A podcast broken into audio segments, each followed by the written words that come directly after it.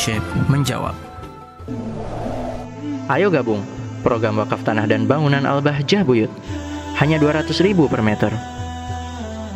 Assalamualaikum warahmatullahi wabarakatuh. Waalaikumsalam warahmatullahi wabarakatuh. Abah, izinkan kami bertanya. Apakah batal orang yang berpuasa namun selalu tidur? Dan apakah batal orang yang berpuasa namun tidak melaksanakan sholat, Abah? Perkara yang membatalkan puasa jelas. Ya, perkara yang membatalkan puasa jelas ada sembilan.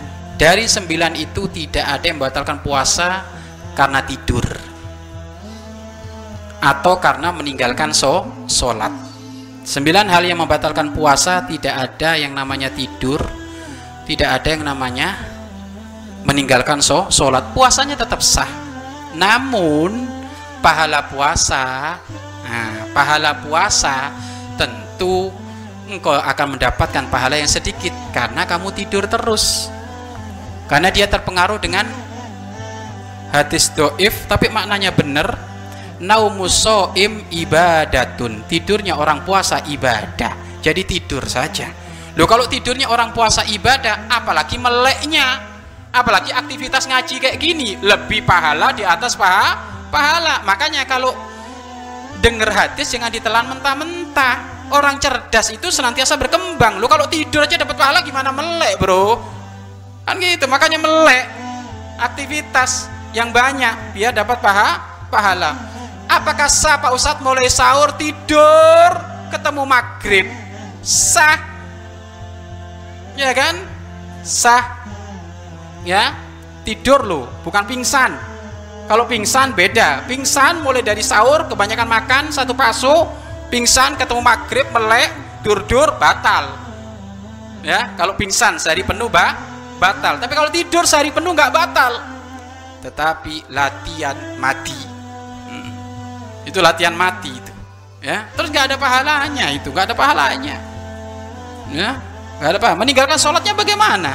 Kalau sengaja dia meninggalkan sholat ya dosa dia pahala puasa belum tentu dapat wong tidur terus malah maksiat. Ya ini orang yang bakal nggak dapat pengampunan Allah di bulan puasa itu. Semuanya rindu dapat pengampunan Allah dengan banyak-banyak melakukan aktivitas yang baik, amal-amal ibadah, ini malah meninggalkan pua, puasa.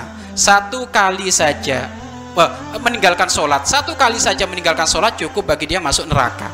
Hati-hati, puasamu nggak batal, tapi sebab masuk neraka kamu lakukan. Apa? Meninggalkan so, sholat. Maka yang benar, puasa jalan, sholat juga jalan. Kemudian jangan tidur saja kecuali sakit ya kan? Uyeng. Kalau saya melek Pak Ustadz takut puasanya batal ya sudah tidur saja nggak apa-apa. Ya kan? Tidur saja. Atau Pak Ustadz saya ini kalau tidur malah eh, kalau saya melek saya maksiat ya sudah tidur saja. Tapi ya Masya Allah mati sebelum waktunya itu.